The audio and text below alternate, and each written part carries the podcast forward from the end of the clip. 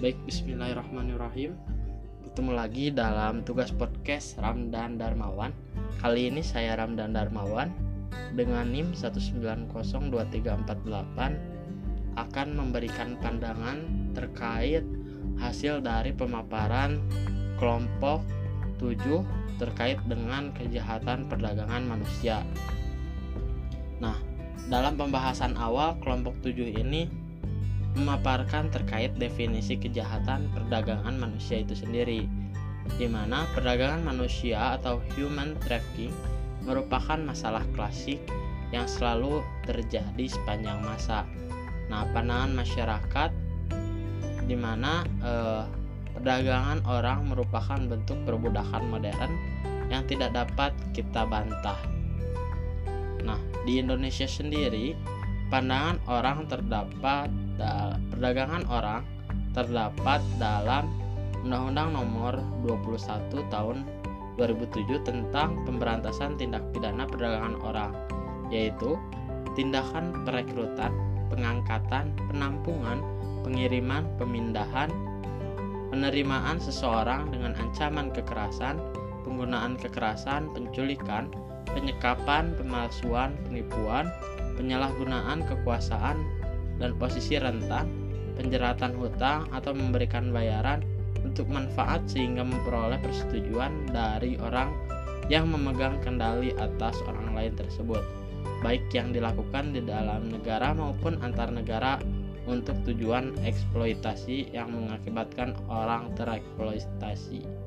Nah, selanjutnya kelompok juga memaparkan terkait batasan dari ruang lingkup kejahatan perdagangan manusia ini. Nah, kelompok mengutip dari Undang-Undang Nomor 21 Tahun 2007 yang merumuskan mengenai ruang lingkup tindak pidana perdagangan orang di mana setiap tindakan atau serangkaian tindakan yang memenuhi unsur tindak pidana yang ditentukan dalam undang-undang ini selain itu juga Undang-Undang Nomor 21 Tahun 2007 juga melarang setiap orang memasukkan orang ke wilayah negara kesatuan Republik Indonesia untuk dieksploitasi, membawa warga negara Indonesia keluar wilayah NKRI untuk tujuan eksploitasi, mengangkat anak dengan menjanjikan sesuatu, memberikan sesuatu untuk maksud eksploitasi dan sebagainya. Nah, saya rasa dalam pembahasan terkait ruang lingkup ini sudah cukup jelas.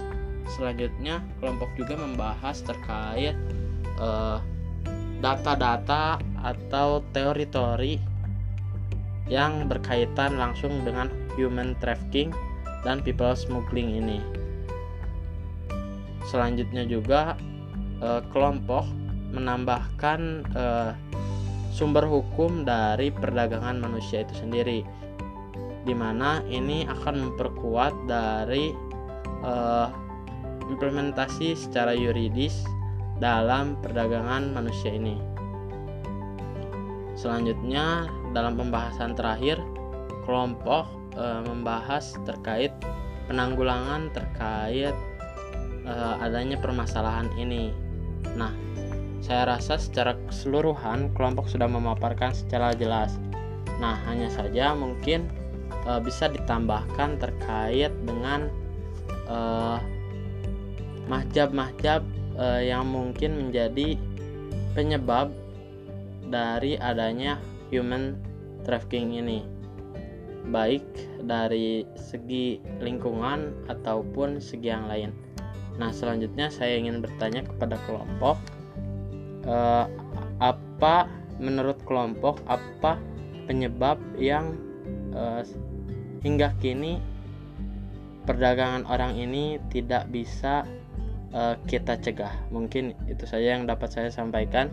Kurang dan lebihnya mohon dimaafkan. Terima kasih. Wassalamualaikum warahmatullahi wabarakatuh.